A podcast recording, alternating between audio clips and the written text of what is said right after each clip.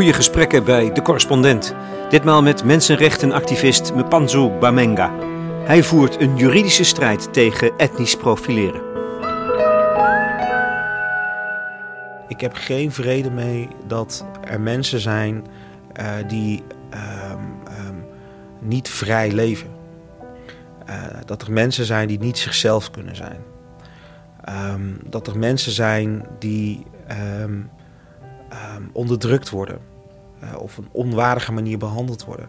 Daar heb ik geen vrede mee. En uh, zolang die mensen er zijn, uh, of in armoede leven, ja, vind ik het wel dat ik een verantwoordelijkheid heb. Maar ik, ben, ik sta er niet alleen in. Ik denk dat we allemaal een verantwoordelijkheid hebben om daar een steentje aan bij te dragen.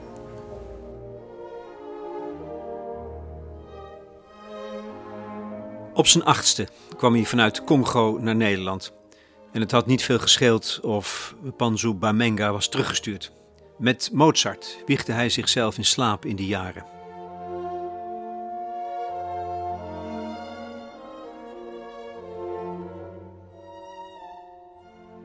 Inmiddels is hij jurist en zet hij zich als vrijwilliger en als professional op een zeer geëngageerde, activistische manier in voor de mensenrechten in Nederland. Vijf jaar geleden startte hij een rechtszaak tegen de Nederlandse staat over de onwettigheid van etnisch profileren. Een zaak die hij won. In 2021 was hij Human Rights Man of the Year, een onderscheiding van het College voor de Rechten van de Mens. Hij richtte Incleaders op, netwerk voor inclusief leiderschap. Hij is ambassadeur bij Justice and Peace voor Samen Hier Amsterdam. Dat streeft naar maatschappelijke netwerken voor statushouders en zo is er nog wel meer. Hij was onder andere acht jaar gemeenteraadslid voor de D66 in Eindhoven. We hebben afgesproken in Amsterdam bij het Centrum voor Ongedocumenteerden, waar hij werkt als coördinator. Het is maandagochtend 12 uur. Ja, en dan weet je het wel.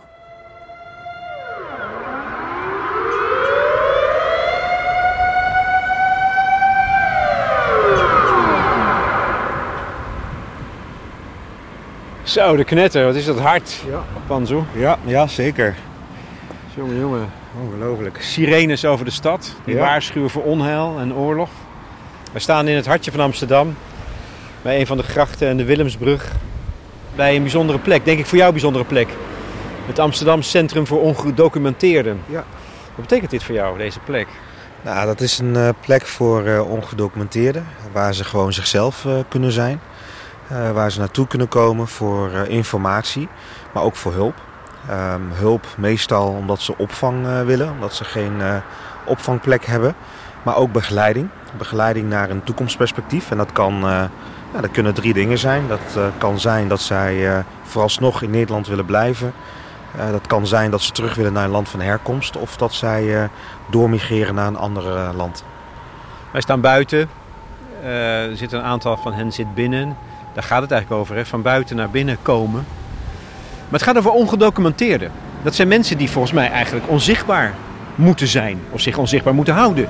En hier heb je een centrum voor. Hoe kan dat? Nou ja, kijk, um, ik vond het in ieder geval belangrijk um, ook dat we het een, een, centrum zouden noemen. En dat we het juist ook zichtbaar zouden maken. Want het onzichtbaar maken van mensen, ja, dat is echt heel onmenselijk. En uh, wij willen juist de waardigheid van deze mensen teruggeven. Ja. En dat begint erbij eh, dat ze juist zichtbaar zijn. Dat we zeggen, jullie zijn er, jullie bestaan en jullie hebben rechten. En uh, jullie hebben mensenrechten. En op het moment dat zij bij ons binnenkomen, dan behandelen we ze ook met volledig respect. En je gaat het zelf zo direct ook zien. we spreken ze aan met u. Ehm, wij bieden ze koffie en thee aan, bieden ze een lunch aan. Um, zij moeten echt het gevoel krijgen van dit is een plek waar ik in ieder geval uh, mezelf kan zijn. Dit is mijn, uh, mijn thuis. Begeef jij je dan zelf ook op de grens van de illegaliteit? Um, nee, dat is niet het geval. Um, het is wel zo dat er een, nou ja, dat er een beleid is van bepaalde partijen die heel graag willen dat hulp bieden aan mensen zonder papieren, dat dat strafbaar uh, wordt gesteld. Maar uh, zover uh, zijn we niet gekomen, gelukkig hier in, in Nederland. En ik hoop ook niet dat wij zover gaan komen. Nee, maar het is wel een soort strijd die je permanent moet voeren. Van mag, mag dit wel of, of kan dit wel? Nou ja, precies. En, en tuurlijk is het antwoord dit mag en dit kan, dit moet zelfs. Hè. Op het moment dat iemand in nood is, als iemand hier bijvoorbeeld aan het verdrinken is, dan heb je de plicht, als je kunt zwemmen in ieder geval, om die persoon te helpen. En, en zo geldt het ook voor deze mensen. Deze mensen kiezen er niet voor om ongedocumenteerd te zijn. Hè. Ze worden daadwerkelijk ongedocumenteerd gemaakt.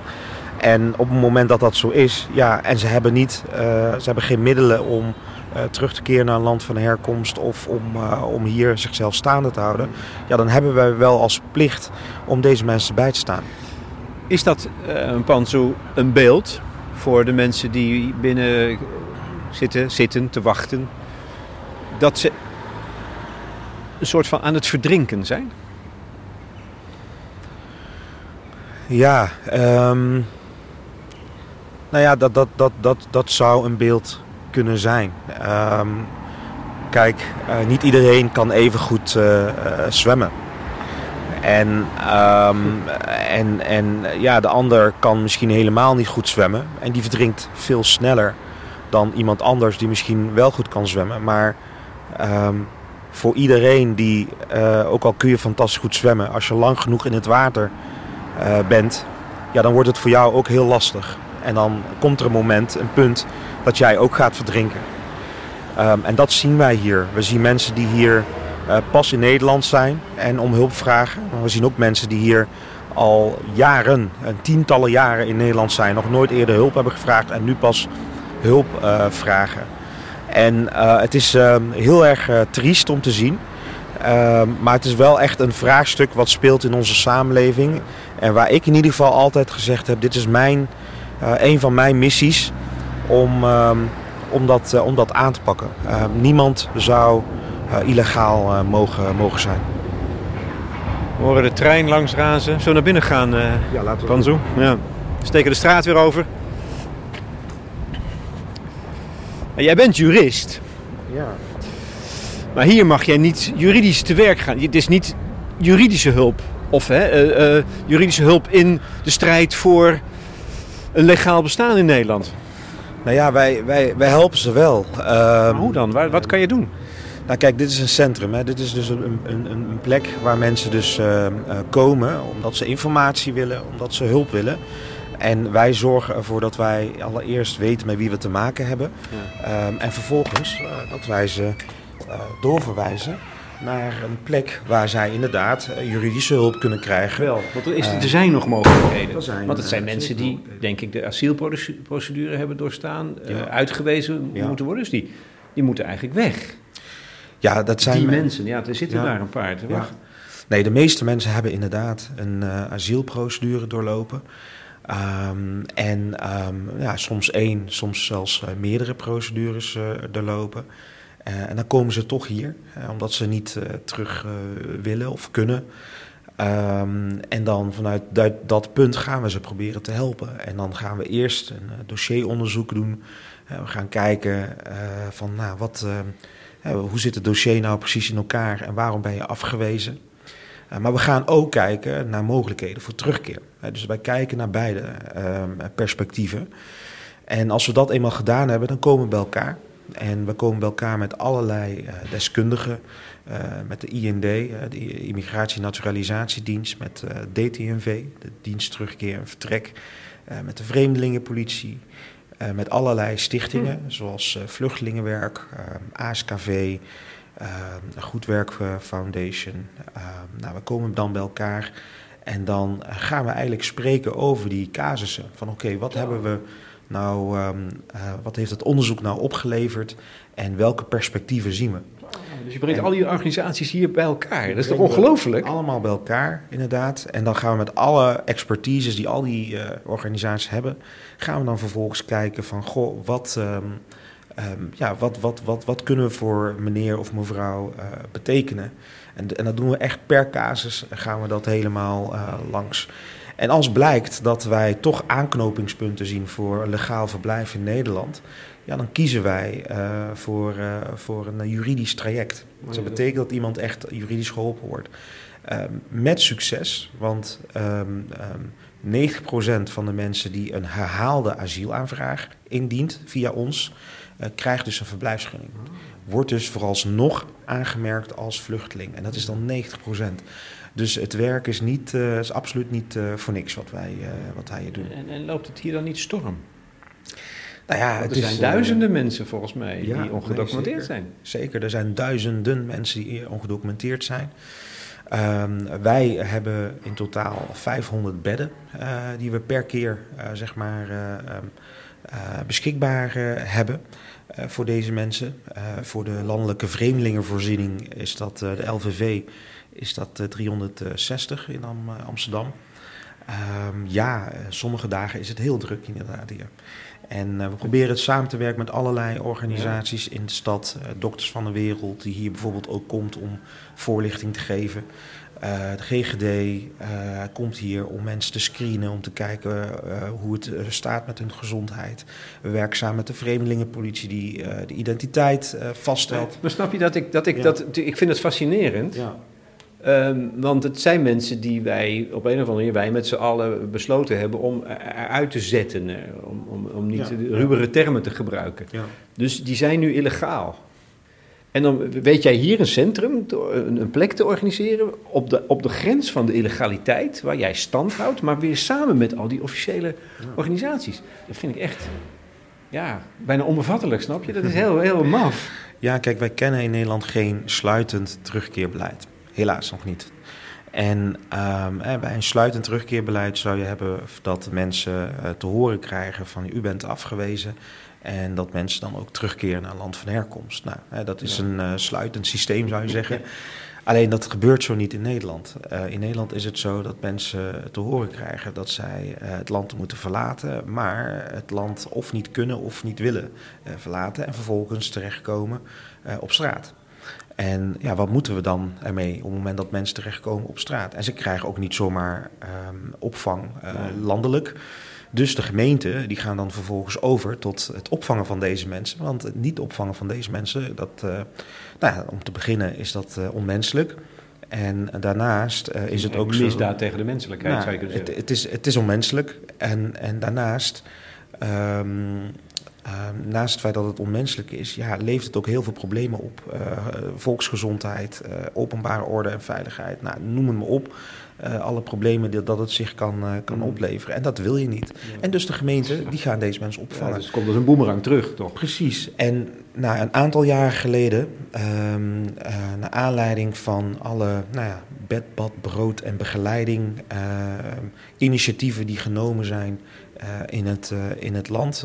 Nou, ik mocht zelf een initiëren in, um, in Eindhoven, waar ik gemeenteraadslid was. Um, naar aanleiding van al die initiatieven is er uiteindelijk besloten: weet je wat, laten we een landelijke vreemdelingenvoorziening op poten zetten. dat was een soort compromis, een pilot, waarbij de landelijke overheid ging samenwerken met, met de gemeente, juist om dit vraagstuk aan te pakken. We staan nog in het halletje. Er hangen hier de huisregels van het ja, Amsterdam Centrum ja, voor Ongedocumenteerden. Precies. Respectvol met elkaar omgaan. Ja. Aanwijzingen van het ACO-personeel volgen. Alcohol en drugs zijn niet toegestaan. Nul tolerantie voor racisme en discriminatie. Geen agressie, seksuele intimidatie of verbaal geweld. Ja. Nou ja, precies. Uh, huisregels, ik denk dat dat heel belangrijk is. Dat dat, Vijf, ja, ja kun je nou, mee toe. nou ja, dat zijn samenvattingen van. Dus, uh, uh, maar dit zijn in ieder geval de belangrijkste overkoepelende. Om het gewoon veilig en plezierig voor en zo, iedereen en zo is het ook hier altijd? Veilig, rustig? Ja, we hebben um, niet voor niks... Binnen, uh, denk ik. Ja, ik, ik, ik, wilde dit misschien nog ja. laten zien. Uh, uh, maar goed, we komen ja? zo direct al bij onze beveiliger. en dat is Ben. En, en, we hebben niet voor niks gekozen voor een hele sociale... Eigenlijk een soort um, gastheer eerder dan, dan een beveiliger. juist um, omdat wij vinden dat dat eigenlijk niet nodig is of nodig zou moeten zijn.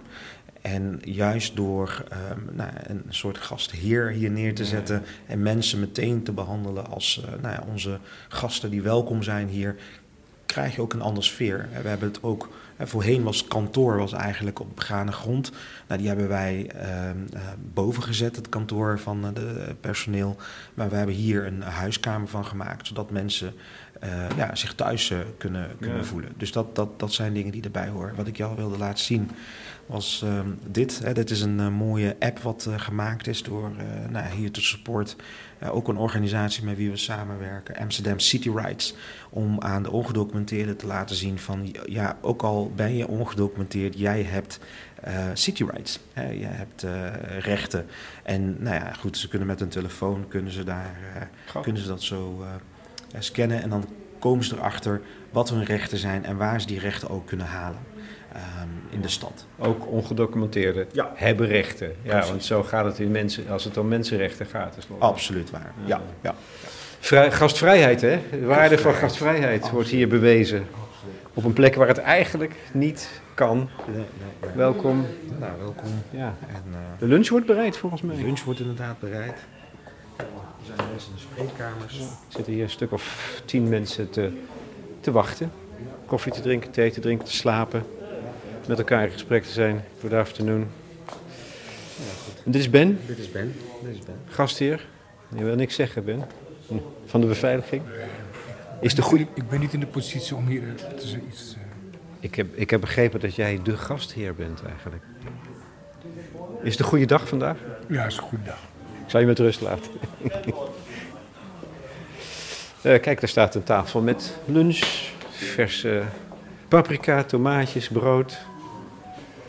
Nou wij organiseren hier ook lunch. En, uh, en we hebben hier uh, nou ja, een meneer, um, ook ongedocumenteerd, die hier de lunch uh, verzorgt. dat doet hij aan de hand van een nou, learning program, wat we voor hem hebben um, um, gemaakt. Uh, zodat hij inderdaad uh, aan de hand van zijn learning program dit, uh, dit kan, dit kan. Ook iets leren dus. Ook ja. meteen iets ja. leren, functioneel worden. Absoluut, ja, absoluut, absoluut. Ja, ik denk dat iedereen wil zichzelf ook gewoon nuttig maken.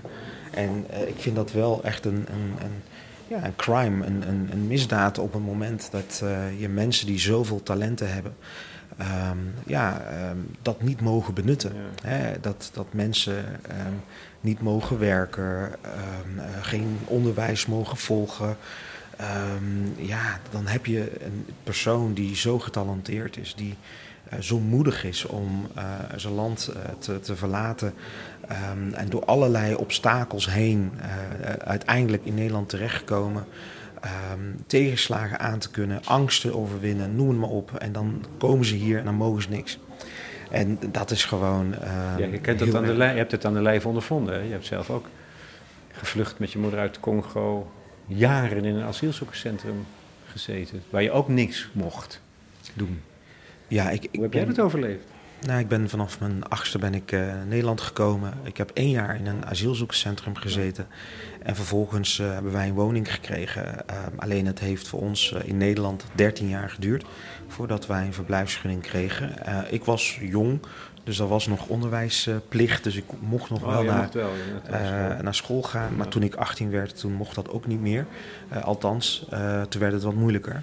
En uh, toen kon ik ook niet, uh, was het niet vanzelfsprekend dat ik stage kon lopen en mijn studie kon afmaken. En dat was wel heel moeilijk uh, voor mij. Maar ik heb toch toen een manier gevonden om mijn studie toch nog af te maken. Dat heb je gedaan dan? Gewoon door te doen. En organisaties te vinden die bereid waren om me aan te nemen als stagiair. Ja. En ja, ondanks het feit dat ze toen de tijd in ieder geval boetes ook riskeerden om dat te doen. Zo. Uh, en zo heb ik toch mijn uh, studie kunnen afmaken. Dus je hebt uiteindelijk ook de solidariteit uh, van, ehm, ja, van mensen nodig. Een heel klein stukje burger ongehoorzaamheid. Ja, ik het zeggen. Je moet af en toe de wetten eh, doorbreken, toch? Nou ja, wetten doorbreken. De vraag is welke wet doorbreek je? Ja. Um, je doorbreekt in ieder geval niet de, wet, de wetten van de menselijkheid. de mensenrechten, die doorbreek je niet. Uh, maar soms uh, heb je lagere wetten die gemaakt worden of beleid die gevoerd wordt, uh, beleid dat gevoerd wordt die helemaal niet zo menselijk is. Nou ja, en ik denk dat in dat soort situaties, zeker als dat door en door bewezen is, ja, dan mag je wel een stukje ongehoorzaam zijn. Ja. Zullen wij hem dan zo even boven gaan zitten? Want ik zie dat zo'n microfoon roept bij mensen die hier eh, zitten te wachten en te kijken. Dat die eh, dat niet, niet per se veilig vinden. Nee, nee, nee. nee, Dus dan- nee, laten we even op jouw kantoor gaan zitten. Laten we dat doen. Ja.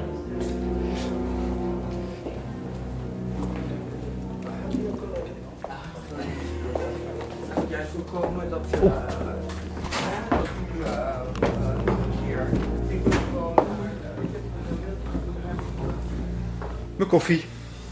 Thank you. Je zat op de in de trein vanuit Eindhoven naar Amsterdam. Ik te kijken naar eh, een filmpje.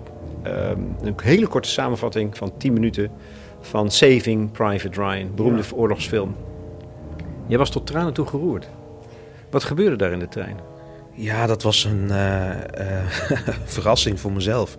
Eh, ik was een filmpje aan het kijken en, en plotseling eh, kwam ik volgens mij op het stukje ehm, dat eh, Captain Miller zei: Earn it, hè, you have to earn it. Omdat er zoveel mensen gestorven zijn voor de vrijheid van, van Private Ryan.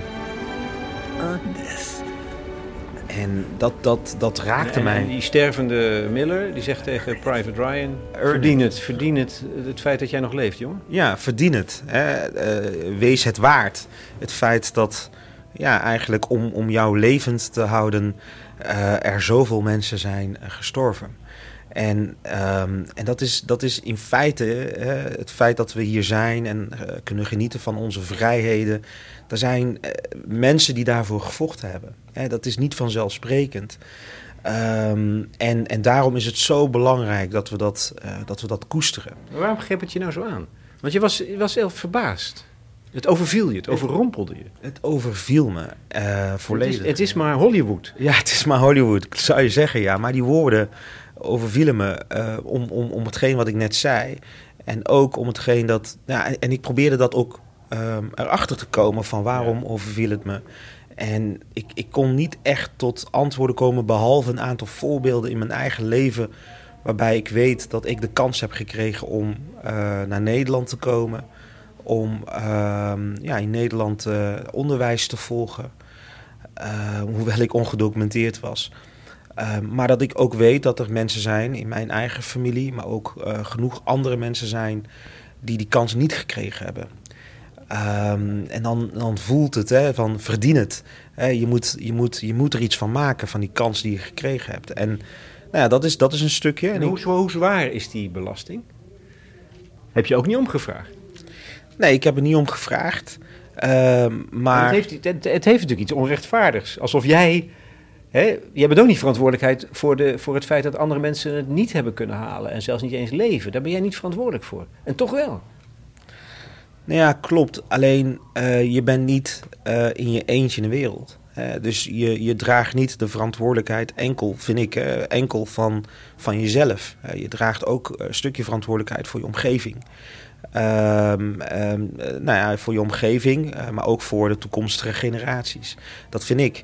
En, um, en daarom is het heel belangrijk dat op het moment dat jij die kans hebt gekregen, nou ja, dat je daar wel het uh, allerbeste van, uh, van maakt. Uh, niet alleen voor jezelf, maar ook voor je omgeving en ook voor toekomstige generaties. want alles wat jij bevecht, of alles wat ik bevecht, ja, dan, dat, dan hoeven mijn toekomstige kinderen niet meer te bevechten, bij wijze van spreken. Uh, dat mensen gevochten hebben voor onze vrijheid, dat zorgt er dus voor dat ik die strijd niet, niet nog een keer hoef te leveren. En nou ja, da daar ben ik me heel erg van bewust. En ik denk dat dat hetgene was wat mij heel erg raakte toen ik, um, toen ik het filmpje zag. Earn it, ja. Earn this. En toen dacht ik van, goh, dit is wel... Ja, dit raakt me wel. Er was nog een tweede reden die je wilde formuleren. Nou, de tweede reden was, um, nou ja, toen ik um, uiteindelijk kwam er een moment, uh, in, in, na 13 jaar dat we in Nederland uh, leefden, dat wij een brief kregen dat we het land moesten verlaten. En we hadden daar acht weken de tijd voor. En in die acht weken nou ja, voerde ik gesprekken uh, samen met mijn moeder en broer uh, met de dienst terugkeer en vertrek. En ik weet nog dat die gesprekken niet zo goed gingen, want ik kreeg toen te horen eh, dat ik helemaal niks te zoeken heb hier in Nederland. En dat ik terug zou moeten naar eh, mijn land, waar ik vandaan kom. En dat is Congo. maar ik was het niet eens met, met de ambtenaar. Ik zei, nee, ik heb hier wel degelijk wat, wat, wat te zoeken. En, en ehm, ik heb hier wel degelijk wat bij te dragen in dit land. En dat ga ik je bewijzen ook. Dus in dat gesprek ontstond er een. Ja, ik was zo ehm, woedend. Ik, ik voelde me niet gezien. Ehm, ik voelde me miskend door, de ambtenaar door te zeggen van ja, we, we, ga maar terug naar je land. en, en, zonder te weten wie je überhaupt was, precies, denk ik. Hè? Precies, en, en um, zonder zich enige vorm te verdiepen in wat mijn capaciteit is en uh, op welke manier ik geworteld ben in de samenleving op dat moment. Um, ja, dat hij dat gewoon zo op die manier zei. En toen zei ik van nou, ik ga je bewijzen dat, uh, dat dat niet zo is. En een van de dingen die we gedaan hebben, is dat we een advocaat hebben uh, onder de hand hebben genomen. En dat ik, uh, dat ik ook een brief heb geschreven. en in die brief stond in ieder geval de brief aan de minister, minister van Justitie. En in die brief stond mijn visie mijn visie voor de Nederlandse samenleving en ook wat ik hoop te, te gaan bereiken. En, de, over de bijdrage die jij kan leveren aan precies, de samenleving. Precies, de bijdrage die ik kan leveren aan de samenleving. En um, nou goed, en uiteindelijk um, heeft de minister die aanvraag die wij toen ingediend hebben en de brieven gelezen. En heeft de minister besloten om ons een verblijfsvergunning te geven. Um, op basis van discretionaire gronden. Dan ben je dus een uitzondering. Dan ben je dus een uitzondering. En, en ja, dan ben je dus een uitzondering op de regel. En ik besefte me op dat moment ook heel erg dat er zoveel mensen zijn die niet die uitzondering zijn. Um, en die niet die mogelijkheid hebben om um, middels een brief um, vooralsnog uh, in Nederland te blijven. En uh, nou, ik denk dat dat mij raakte, zeg maar. En, en dat dat mij ergens ook een soort verantwoordelijkheid heeft gegeven om op te komen voor uh, de mensen die dat niet voor zichzelf kunnen doen. Ja, aangrijpend. Earn this. Huh. Maar je kan dus goede brief schrijven. Heb je er vrede mee dat dat voor jou wel geldt en voor heel veel anderen niet? Heb je daar ooit vrede mee? Um, ergens niet. Um, en wat ik daarmee bedoel is dat ik heb geen vrede mee dat er mensen zijn uh, die um, niet vrij leven. Uh, dat er mensen zijn die niet zichzelf kunnen zijn. dat er mensen zijn die onderdrukt worden uh, of op een onwaardige manier behandeld worden daar heb ik geen vrede mee. En zolang die mensen er zijn, of in armoede leven, ja, vind ik het wel dat ik een verantwoordelijkheid heb. Maar ik, ben, ik sta er niet alleen in. Ik denk dat we allemaal een verantwoordelijkheid hebben om uh, daar een steentje aan bij te dragen.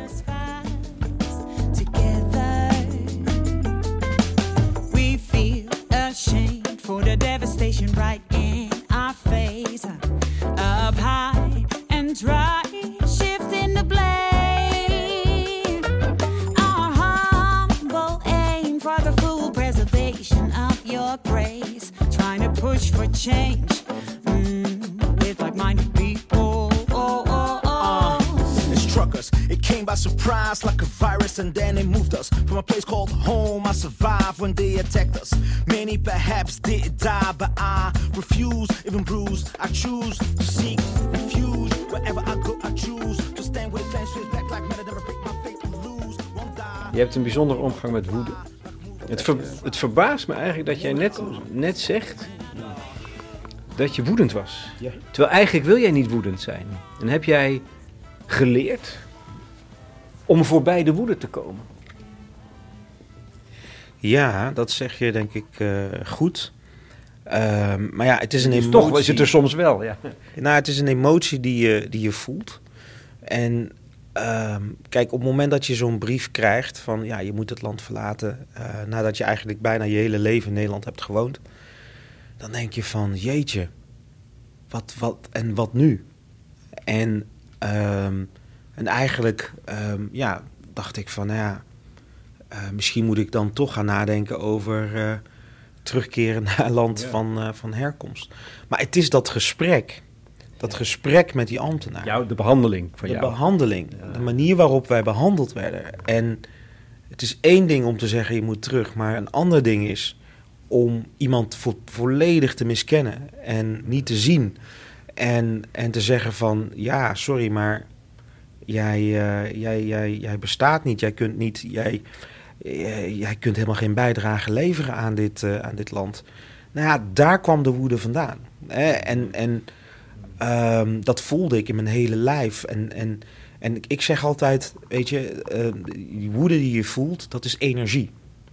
En, ehm, en als je de energie, eh, nou ja, je, je hebt een keuze hoe je dat inzet. Hè? Dat kun je inzetten door, eh, nou gewoon heel kwaad te worden en om je heen eh, slaan of Ja. wat dan ook. Ehm, eh, maar je kunt het ook, of je kunt het zelfs inzetten om kwaad aan te richten. naar jezelf toe of naar anderen. Maar je kunt die energie ook inrichten ehm, om goede dingen mee te doen. Dus om heel doelmatig te zeggen: Oké, dit is wat ik met die energie ga doen. En dan kun je meestal eh, dingen voor elkaar krijgen die, eh, waar je normaal gesproken misschien helemaal niet die energie voor zou hebben gehad om dat eh, voor elkaar te krijgen.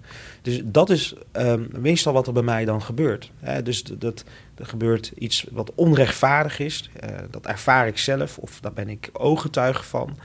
En nou, daar word ik woedend van, zoals denk ik ieder ander mens daar ook woedend van zou eh, worden op dat moment.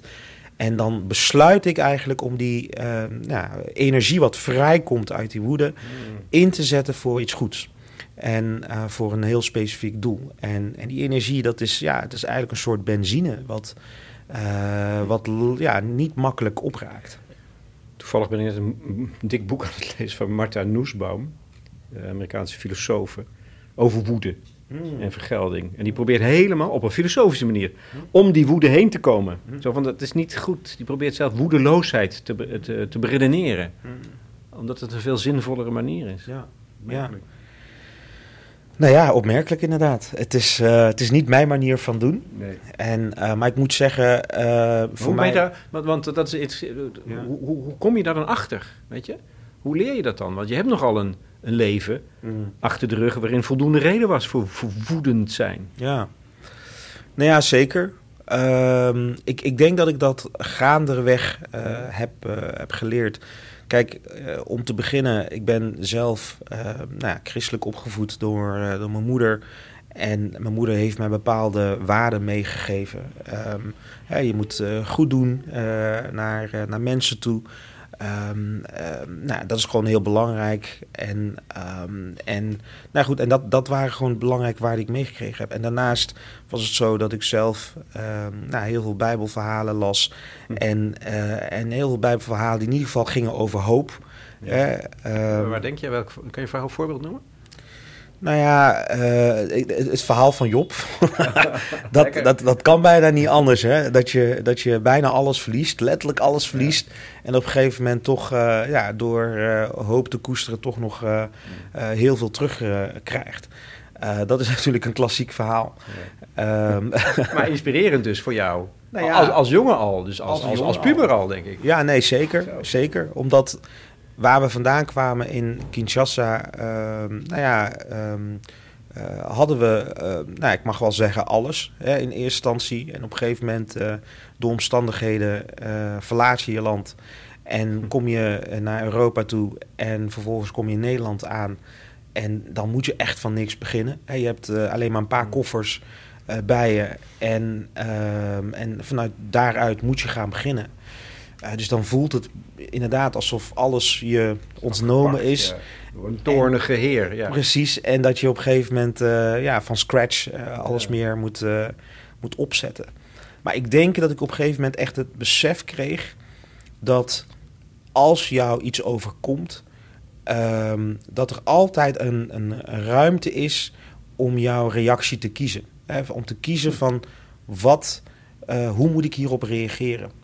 En eh, door jezelf heel bewust te zijn van die ruimte en ook door jezelf die ruimte te gunnen, om eh, niet meteen te reageren, maar om eventjes na te denken: oké, hoe wil ik reageren? op deze gebeurtenis. Nou ja, dat is, dat, dat is echt goud waard. Um, ruimte en eigenlijk vrijheid, hè, denk ik. Nou ja, vrijheid inderdaad. Hè. we kennen natuurlijk de verhalen van nou ja, Nelson Mandela, die heel veel niet kon doen in de gevangenis. Maar hij kon wel kiezen wanneer hij wakker werd. Hij kon wel kiezen hoe snel dat hij liep. En, ehm, en, ehm, en hij had alle tijd om uh, ja, te schrijven over... we willen graag een lange broek in plaats van een korte broek. Uh, ik zeg maar wat. Ehm, en en dus, dus de ruimte die je soms hebt... terwijl dat je vrijheid heel erg wordt ingeperkt... dat is heel belangrijk om daar bewust van te zijn. En dat, daar was ik heel erg bewust van. Uh, ondanks het feit dat ik niet, uh, uh, niet mocht werken, niet, niet mocht reizen, nou ja, allerlei andere rechten mij ontnomen waren, um, nou, waren er ook wel dingen die ik wel kon doen.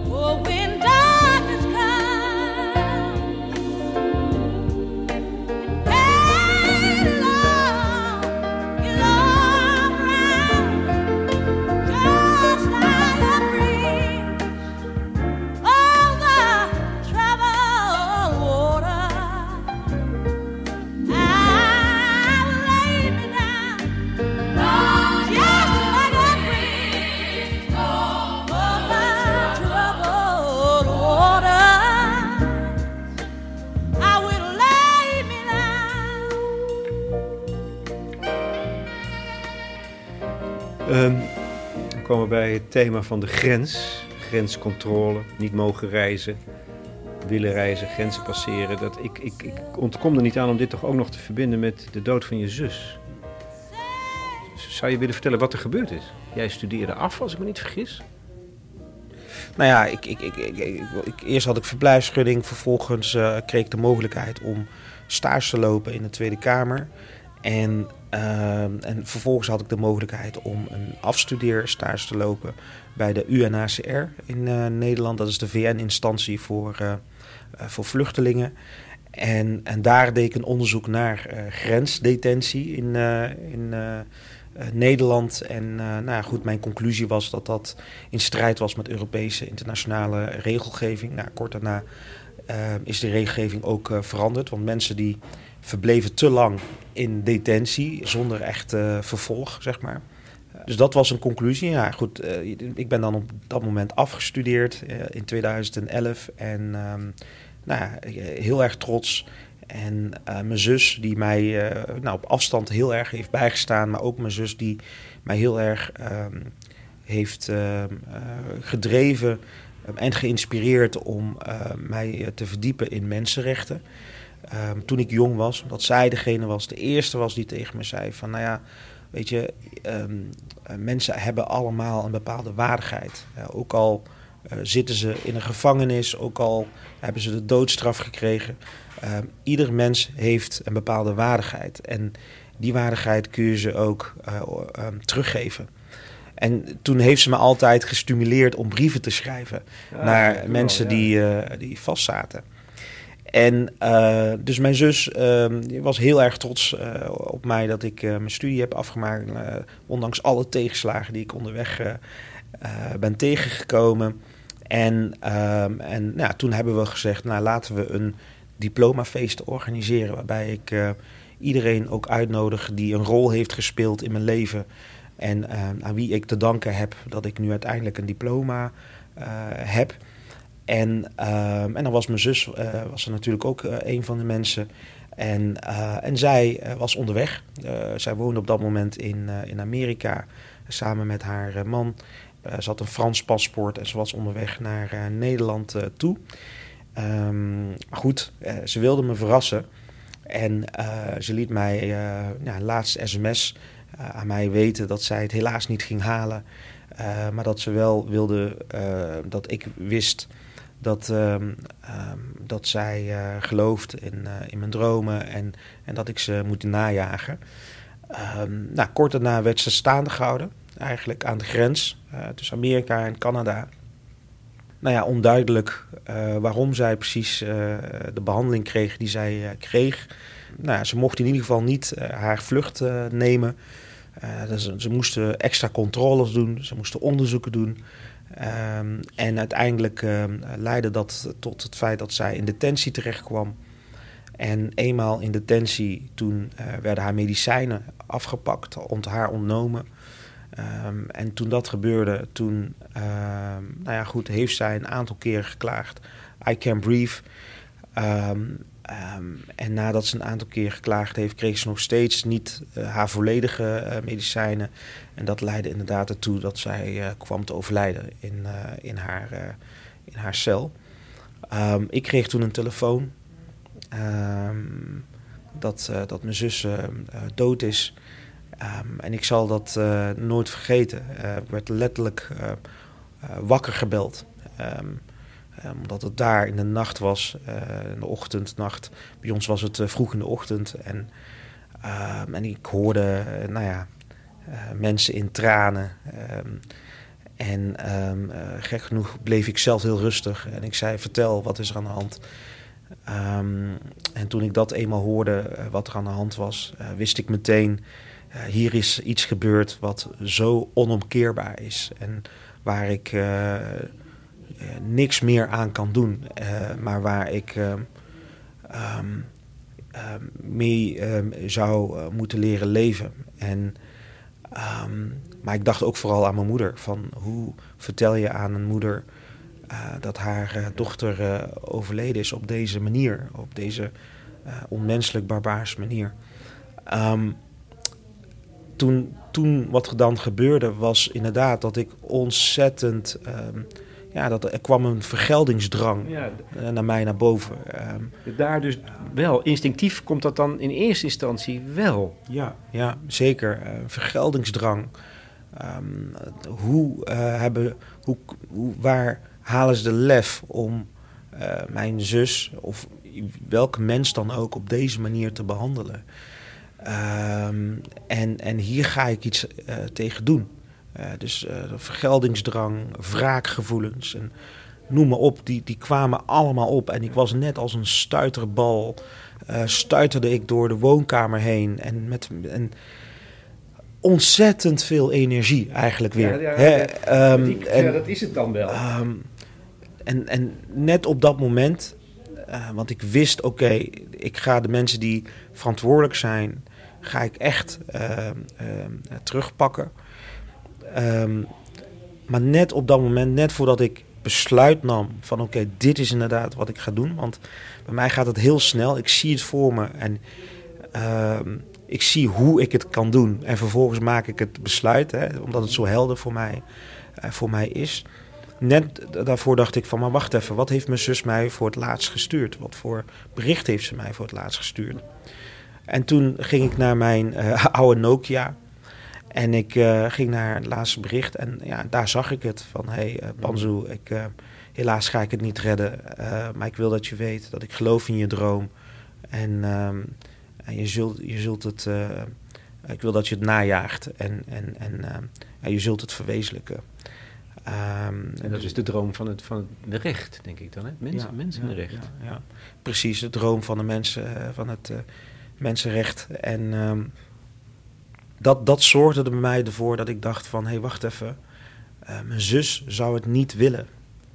Uh, mijn zus zou het niet willen dat ik uh, mijn talenten, de energie die ik nu voel... dat ik dat gebruik om wraak te nemen. Um, om mensen kwaad aan te richten. mijn zus zou willen dat ik deze energie gebruik om goed te doen in de samenleving. Um, en dat, dat, dat werd mij op dat moment heel erg bewust. En ik voelde die energie. En die energie was voor mij um, ja, zo belangrijk. En uh, nou ja, kort daarna uh, werd ik lid van een politieke partij. en ik dacht, en nu gaan we het, uh, nu gaan we echt hier um, op allerlei manieren, niet alleen maar via de politiek, maar ook via activisme. Um, uh, en, en, en via uh, mijn jurie, het juridisch werk mm. ga ik er echt uh, werk, werk van maken. Het is, ik vind het een aangrijpend verhaal dat jij met bewonderenswaardige rust eigenlijk vertelt. Hè? Waarmee je ook waarmaakt dat je het op die manier werkelijk... Ja, je hebt bijna toegeëigend of zo. Ja, ja, ik denk dat de, de rust komt omdat, ehm, nou ja, tenminste, ik, ik weet wat ik aan het doen ben. Ja. Hè, dus het is niet een, ik ben niet aan het gokken of zo, maar ik, ehm, en ik geloof ook in hetgene wat ik, eh, wat ik doe. En, ehm, en het komt echt uit de, de wereld die ik voor me zie. En, en dat wat voor mij heel helder is. En wat voor mij. nou ja, en, en ik eh, in ieder geval de indruk heb dat ik ook weet hoe ik dat eh, samen met, eh, met heel veel mensen kan waarmaken. En daar komt denk ik de, de, de rust vandaan. ehm, en dat ik ook gewoon eh, geduldig ben om dat, eh, om dat te bereiken. Om dat eh, waar te maken. Ja.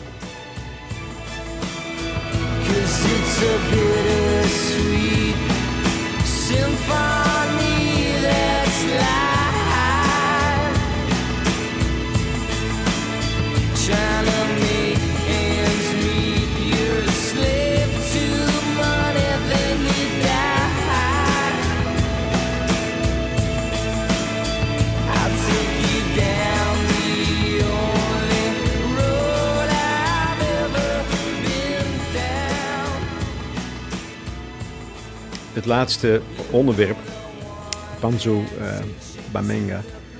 Dat is hiermee natuurlijk wel geïntroduceerd, zou je kunnen zeggen. Je hebt al vijf jaar ben je een juridische strijd aan het voeren over etnisch profileren bij grenscontroles. En, en nou ja, op jouw kantoortje is weinig te zien, maar er staat wel een, een kopie van een. Nee, het is een, een- een krantenknipsel. Waarin jij omhelst wordt door een vrouw die ik op de rug zie. Er is grote vreugde over het winnen van een, eh, van een zaak. Meewegen van huidskleur bij controle mag niet. Ja, nu begrijp ik wel waarom jij daar zo ongelooflijk geëngageerd mee bezig bent. Dit is de, wat er met je zus is gebeurd. Is natuurlijk de bron daarvan. Nou, kijk, het, het overkomt mij eigenlijk mijn hele leven al. Hè. Mijn hele leven ben ik eh, nou ja, slachtoffer van etnisch profileren. En dat is niet alleen ik. Er zijn heel veel miljoenen mensen in Nederland die daar slachtoffer van zijn. Alleen toen het gebeurde in 2018, toen, ehm, nou ja, ehm, allereerst wanneer het gebeurt, eh, ik neem het niet zomaar aan. Dus ik ga eerst vragen stellen. En ik stel ook vragen. En door die vragen kwam ik erachter van dit is etnisch profileren. En dit is niet alleen een ambtenaar die het zo even doet. Nee, dit is onderdeel van het beleid. Ehm, en dat maakt het nog veel erger. En dat maakt ook dat ik dacht, hé, hey, wacht even, dit kan ik bewijzen. En dit staat zwart op wit. Hoe kon je het dan bewijzen die eerste keer? Dat was in 2018 is dat begonnen, dat proces voor jou. Voor mij is dat eh, in 2018 begonnen, toen ik staande gehouden werd op het Eindhoven Airport. En, ehm, en toen, ehm, ehm, nou, in eerste instantie dacht ik van ja, waarom word ik staande gehouden? Want er zijn geen controles, ik kom uit Rome. En ja, waarom eh, mij staande houden? Eh, en verder zag ik ook dat alle andere mensen eh, mochten doorlopen. Ehm, en toen dacht ik, nou, misschien zijn ze op zoek naar iemand die op me lijkt. Ehm, nou, laat ik gewoon meewerken. Ehm, maar ik vond dat iedereen vrij relaxed erbij zat. En, en, en toen keek ik ook eh, om me heen en ik zag dat mensen eh, nou, richting mij aan het kijken waren van... hé, hey, dat is die man die eh, net bij ons in de vlucht zat. Hey, hij, is, hij wordt als enige gecontroleerd. Hè. Wat, wat zal hij gedaan hebben, bij wijze van spreken? Ja, dan ben je meteen een terrorist Je bent meteen verdacht. En, ehm, en dat zag ik. En toen begon ik de vragen te stellen van... Goh, eh, waarom hou je mij eh, staande? Eh, en er werd gezegd van... Nou ja, we zijn op zoek naar criminelen. We zijn op zoek naar eh, eh, terroristen. We zijn op zoek naar... eh, nou vluchtelingen of eh, asielzoekers, eh, mensen die hier niet rechtmatig verblijven. En, nou ja, goed, en ik draaide me om en ik zag dat ze op een gegeven moment een andere donkere man staande hielden. Die, die niet op me lijkt. En vervolgens een donkere vrouw met, met kinderen staande hielden. Ik dacht van, hè, wat gebeurt hier? Ik dacht van, nou, zijn die criminelen die, waar jullie nou op zoek zijn? En allemaal zwart. Want dat is precies de mensen die jullie nu eh, staande houden. Nou, ja, toen kreeg ik te horen van, nou ja, eh, wij weten hoe wij deze mensen ehm, eh, kunnen traceren. Ehm, en ehm, nou goed, en, en, en daar begon, begon ik in gesprek te gaan met de ambtenaar. En voor mij, het moment dat ik weer woedend werd, Ja. is door de antwoorden die ik eigenlijk kreeg. Ehm, en vanwege het feit dat ik daar een, man zag en een donkere vrouw zag die staande gehouden werden en die er weerloos uitzagen en zichzelf niet konden verdedigen. En ik besefte mij weer van hé, hey, dit is precies wat er continu gebeurt. Uh, dit gebeurt niet alleen maar nu op dit moment door de marechaussee, maar dit gebeurt ook in het onderwijs, dit gebeurt ook door de Belastingdienst, dit gebeurt ook um, op allerlei lagen van, uh, van, uh, van onze maatschappij, de arbeidsmarkt. Uh, worden mensen gediscrimineerd, benadeeld, als verdacht gemaakt. er, worden, um, um, er wordt veel meer pakkans georganiseerd rondom mensen puur vanwege hun huidskleur. Dat is, is het dan, zo onrechtvaardig. En is het dan zo dat je dat, want dat had je al langer meegemaakt, maar had je dat niet willen weten of zo? Snap je? Dit was het moment van waarheid. Het is, het, dat, je, dat je zag door die ervaring op het vliegveld van Eindhoven. Het is wel waar. Ik kan het niet meer ontkennen. Het, het was in je face, absoluut. Ja. Het was voor mij was het in your face. Ja, maar en dat was het al eerder geweest natuurlijk. Dat was het zeker eerder. Uh, maar toch had ik nu het gevoel van dit kan ik bewijzen. En, en dit uh, moet nu ook echt aangepakt worden. En kijk, nu, dit kan je bewijzen. Dus het gaat ook om van, oké, okay, um, wat kun je er tegen doen? Ja. En, en dat zag ik wel voor me. En uh, wat ik hieraan zou kunnen doen. En nou, misschien dat ik daarvoor niet zo ver was. En nu dacht, nou ja, nu ben ik wel zo ver. Uh, en nu kan ik het daar wel wat, uh, wat mee doen. En absoluut waar. Nou ja, je maakt zelf die link. Ik denk zeker dat mijn ervaring ook met mijn zus en ook, zeker ook een rol uh, daarin uh, gespeeld heeft. Maar wat ik zeker weet is dat als, als, het, als ik de enige was die staande gehouden werd en niemand anders, dan nou ja, had ik misschien gewoon een slechte dag en dan zei ik, uh, nou ik wens u verder een prettige dag meneer de ambtenaar en, en dan liep ik weg. Maar omdat dat ook bij andere mensen gebeurde, dat triggerde echt bij mij die woede. Um, omdat, omdat ik echt zag hoe kwaadaardig het fenomeen is. Um, wat uiteindelijk terug te leiden is naar racisme. En, um, nou ja, en toen dacht ik, hier ga ik iets aan doen. Die woede kwam weer naar boven, de energie kwam weer vrij. En toen ging ik zitten, de eerste, eerste beste tafel die ik zag en een stoel. Uh, daar ging ik zitten. En toen schreef ik een sociale media post. Uh, meteen? Meteen, uh, in één adem.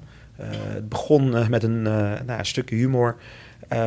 het feit dat ik, nou, ik kwam van het zonnige Rome naar Nederland toe en in Nederland begon het te regenen. En ik dacht, nou ja, hè, ik, ik, ik, ik, word, ik, ik, ik, kom hier aan in Nederland en ik word verwelkomd met regen. maar nog veel erger, etnisch profileren. Um, nou goed, dus, zo begon ik mijn tekst en, en vervolgens uh, legde ik wat de situatie was. En, en ook mijn visie naar de samenleving toe van hoe zou het anders moeten. Het zijn juist deze ambtenaren die het zouden moeten uitdragen. Um, uh, onze grondrechten um, moeten verdedigen. Uh, niet alleen jouw grondrechten, maar ook mijn grondrechten.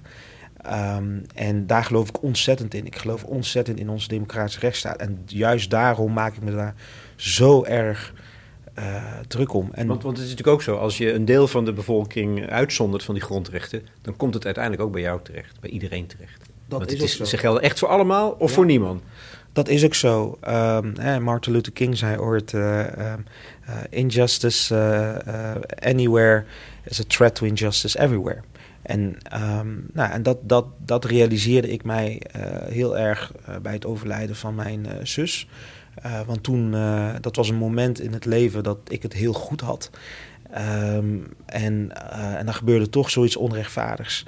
En toen besefte ik mij van, wacht even, dit, dit, jij kan het wel goed hebben, maar zolang in de wereld er mensen zijn die niet vrij leven, um, ja, is er altijd een taak, een opdracht om, om daar iets aan, aan te doen.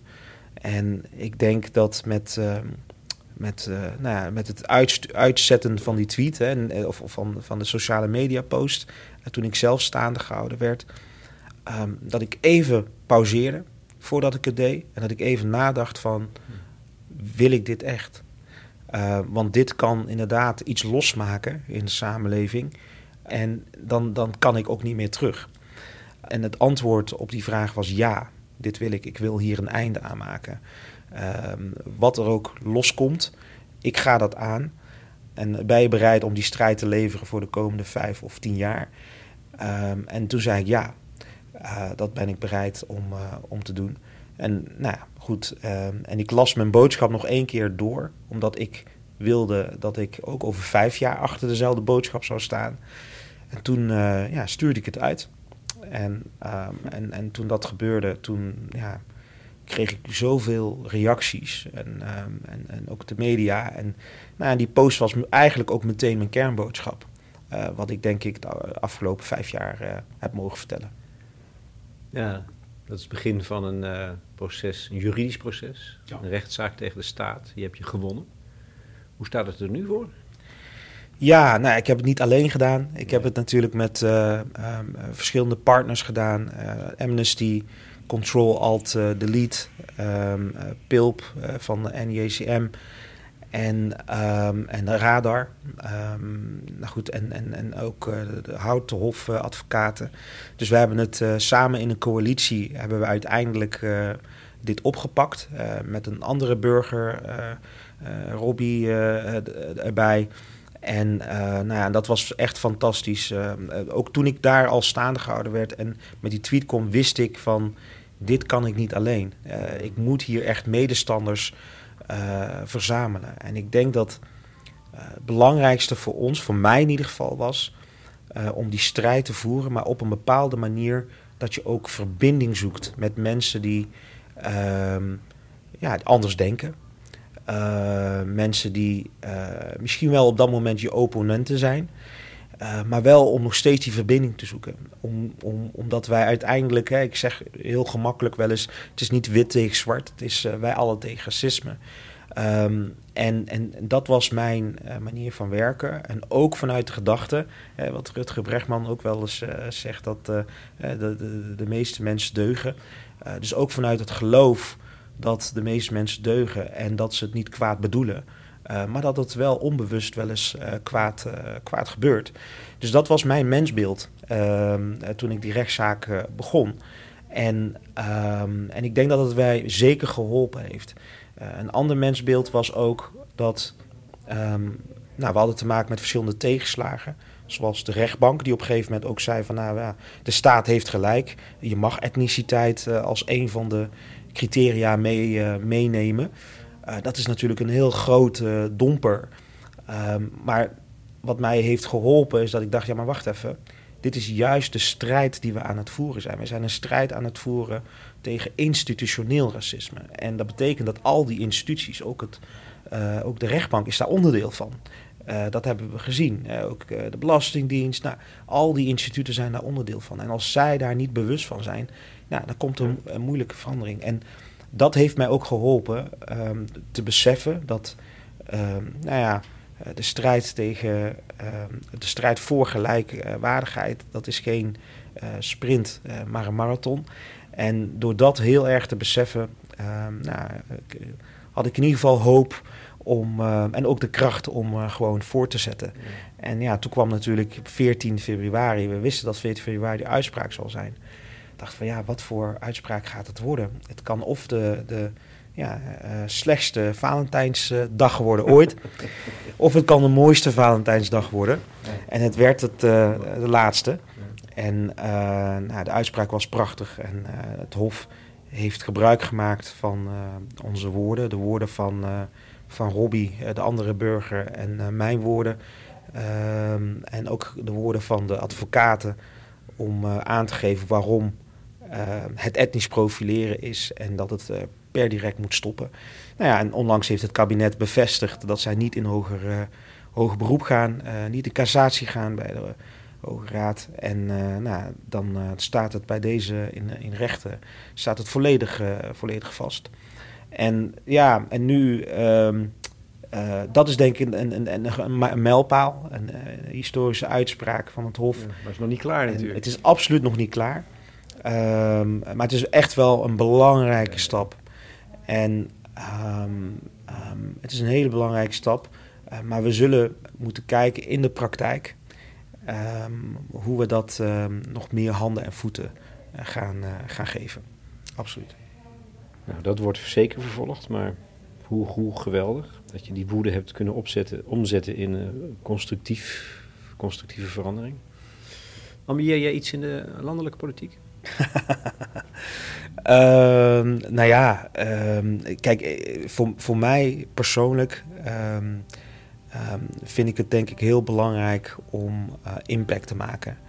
En ik zit hier waar ik nu ben, omdat ik denk dat dit de plek is eh, waar ik in ieder geval de afgelopen jaren heel veel impact kon maken. Ik ben een van de aanklagers geweest voor die rechtszaak omdat ik vind dat dat de manier is om impact te maken. En dat heb ik als burger gedaan. En ik geloof ook dat als jij het eh, gelijk aan je zijde hebt en, ehm, en als je authentiek bent, ehm, dat je daarmee ook eh, een bepaalde autoriteit eh, kunt claimen. Dus je hebt in principe geen functie nodig om autoriteit te hebben, autoriteit te claimen. Maar je hebt wel de waarheid nodig en ook ehm, de juiste eh, waarden uitdragen. En dat is de manier waarop je dat doet. En ehm, nou ja, ehm, ik denk dat de, de landelijke politiek eh, ook een bepaalde functie is waar je zeker eh, het een en ander eh, teweeg kan brengen. Nou ja, en als ik denk dat dat een mooie plek is om dat te doen, dan zal ik zeker die stap nemen. Ik kan ehm, maar één ding zeggen eigenlijk tegen je nu. You earn it, Panzu. Nou, dank u wel.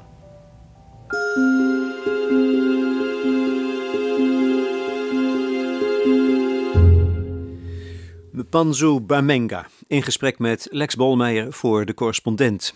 Voor meer informatie over het Amsterdamse Centrum voor Ongedocumenteerden verwijs ik naar de website rgoa.nl.